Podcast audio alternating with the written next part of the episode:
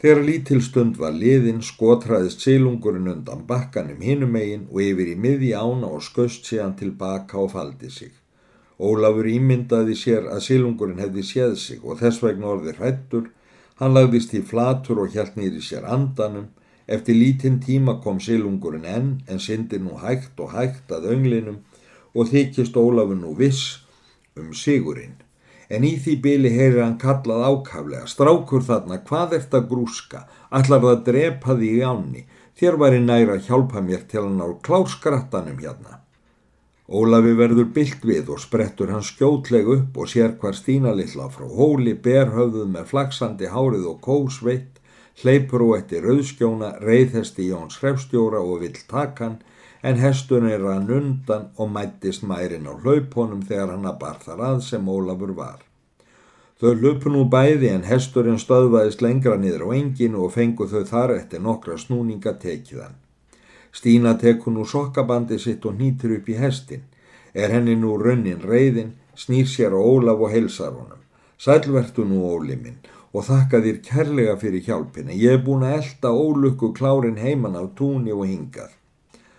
Og mér þótti nú líka þú ver orðin hálf vond áður telpa mín. Hann fóstri minn segir að börn megi aldrei tala ljótt og ég gjöru það aldrei en kontu nú samt sælstína litla.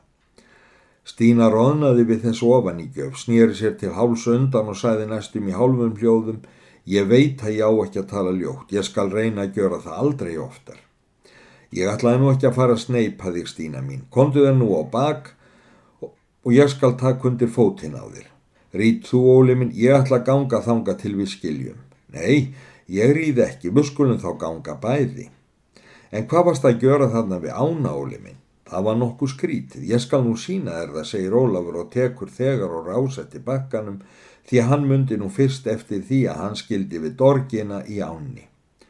Dorgarendi var að sönnu fastur um hæl sem hann hafi reykið ofan í bakkan en sílungurinn gætt vel hafa tekið öngulinn því að nú annað hvort dinglaði þar fastur eða slitið dorgina.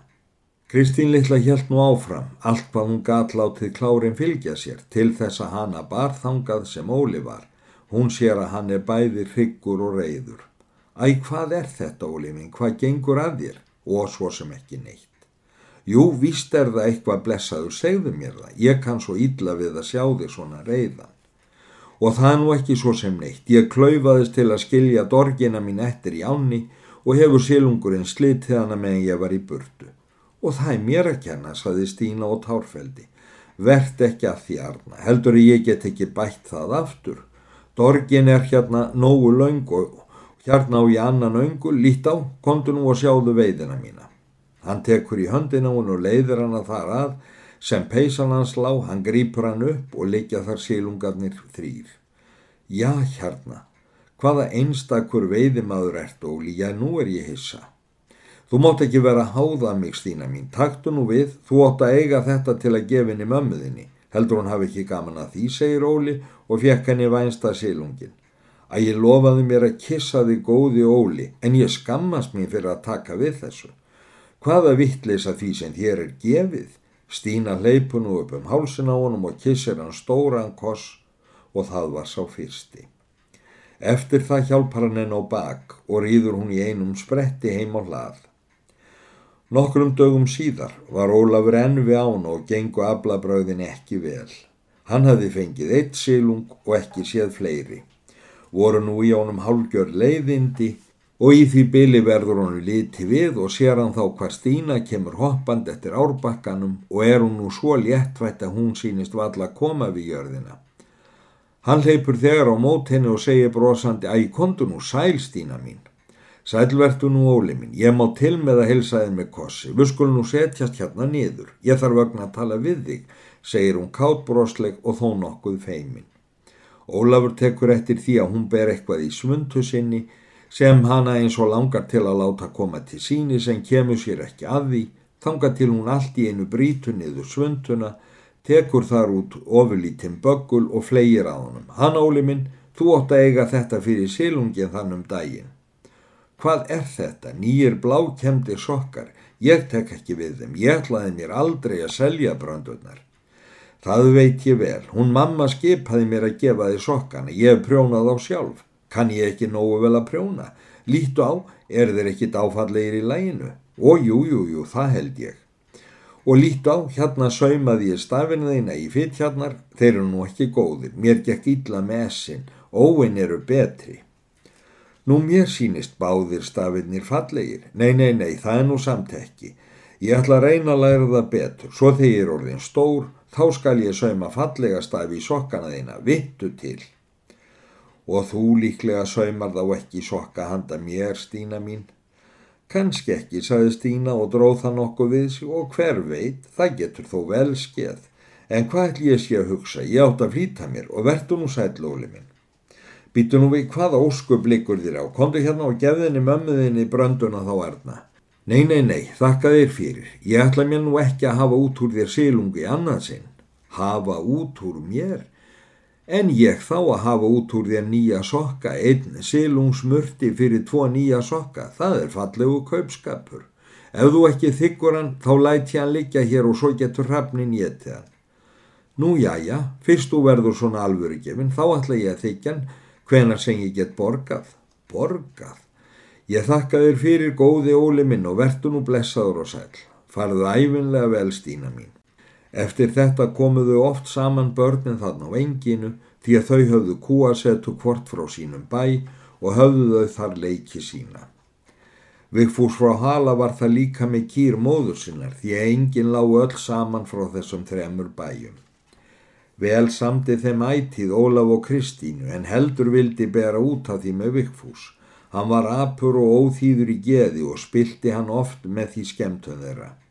Ólafur þóldi það allt með stilling og umburðalindi og svaraði vikfúsi aldrei stigðarirði. Kristín þóldi honum verð ójöfnuðans og sagði hún stundum skorinort til syndana og þóldi hann henni vonum fremur en let á stundum reyði sína bitna Ólafi með því að skapröina honum. Eitt dag sem þau voru þar börnin höfðu þau það til gamans að þau byggðu sér bæ. Var Ólafur vekkjasmiðurinn og gjörði hann það snoturlega því hann var þegar ungur mjög lægin en þau Kristín og Vigfús höfð fyrir aðflutningum. Þegar byggingunum var lokið segi Kristín, nú skulum við fara að verða hjón Ólafur en Vigfús á að vera vinnumadur hjá okkur.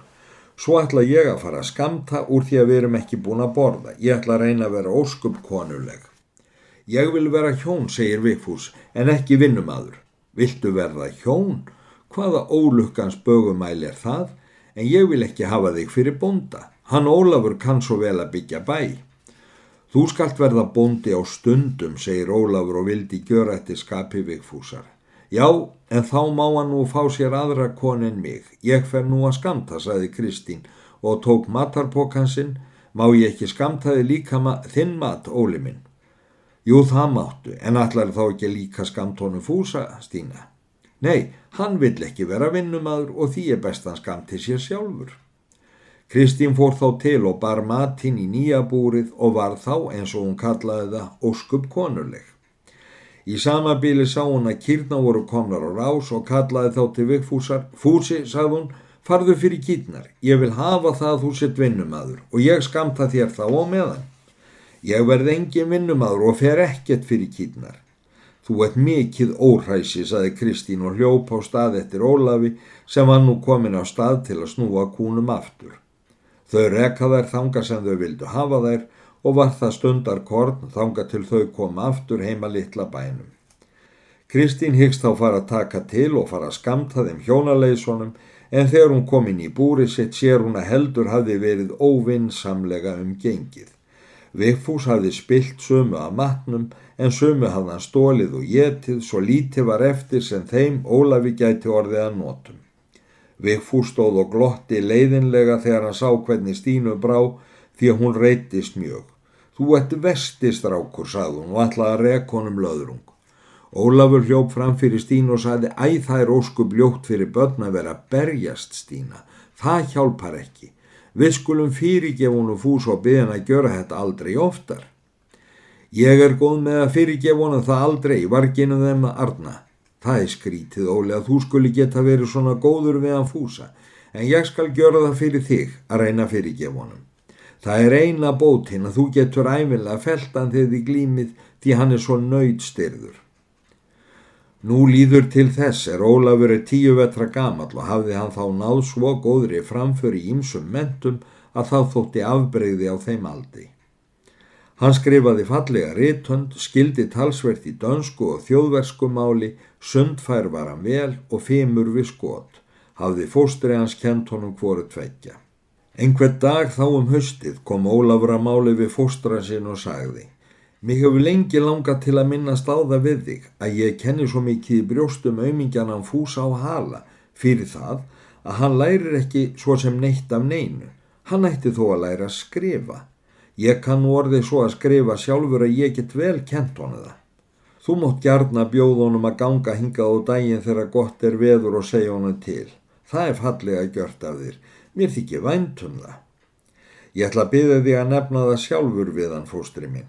Það skal ég gjöra. Það er réttast að minnast á þá við móður hans en heldur ekki að Kristín og Hóli langi til að líka læra að skrifa. Hanna Stínu, meiga stúlku líka læra að skrifa. Og ég sé held ég ekkert á móti því að þær megi það, þó að það sé nú ekki algengt. Já, ég er vissum og hún vil það. Ég skal tala um það við hana. Nokkrundugum síðar var byrjaðu skólagangur þeirra Vigfúsar og Kristínar. Þungt fjall Vigfúsi að þurfa þykja tilsögn og þóla aðfinningar af Ólafi. Gjörði hann honum því oft og tíðum allt það til stríðs en hann þorði og var Ólafi það mikil skaprun því framför Vigfúsar var fyrir þá orsök minni en hún annars hefði geta orðið. Allt öðru máli var að gegnum Kristínu. Hún keftist við sem hún gata læra og var Ólafi svo þæg og eftirlátt sem hún gat og gekk því miklu betur en fúsa. Ólafur fekk ekki heldur dölið það að hann var stínu alúðlegri og vinnveittar í viðmóti sem allt miklu fremur spilti en bætti skaplindi vikfúsar svo þegar komið var fram yfir miðjan vetur yfirgaf hann alveg lærdómsinn og hafði þó, þrátt fyrir trassadómsinn og kergu, fengi svo góða endurstöð í skrift og tölvísi að hann fyrir árvekni Þorbjörgan móður sinnar var kallaður þólanlega að sér þegar hann var fermdur. Stína var nokkuð tíma lengur við kennslu Ólafs og var svo vel á veg komin að þegar að framliðu stundir þótti þar nærlendist eður sem menn þekktu til, engin ung stúlka standa henni í apfætis að allir í mentun. Þennan sama vetur gjörði síðari hlutan mikla snjóa og jarðbönn en nálagt sömarmálum hlánaði með ákömmum vatnagangi og leysingum og urðu þá víða jarðföll og skriðuhlaup í fjallendum sveitum. Ólafur á hofi átti gráan fóla hið besta hestefni sem fóstur hans hafi gefið honum og þótti Ólafi mjög væntum hestin. Eitt dagum vorið byðu sér að Bjarni Ólaf að fara upp undir fjall og huga að sögðum. Þú getur tekið hann grána minn, segir hann, ég held hann þóli að halda á þér. Þú hefur látið hann eiga svo gott í vetur. Og það er ég að vona, hann beri mig greið, segir Ólafur og tekur grána og rýður á stað. Fér hafði dreift sér undir fjallið og var það bæði fér bjarnapress og svo frá hóli og hala. Þegar hann hefur riðum hríð með fram fjallinu sér hann skamt norður undan sér mann gangandi og þekkir að það er vikfús.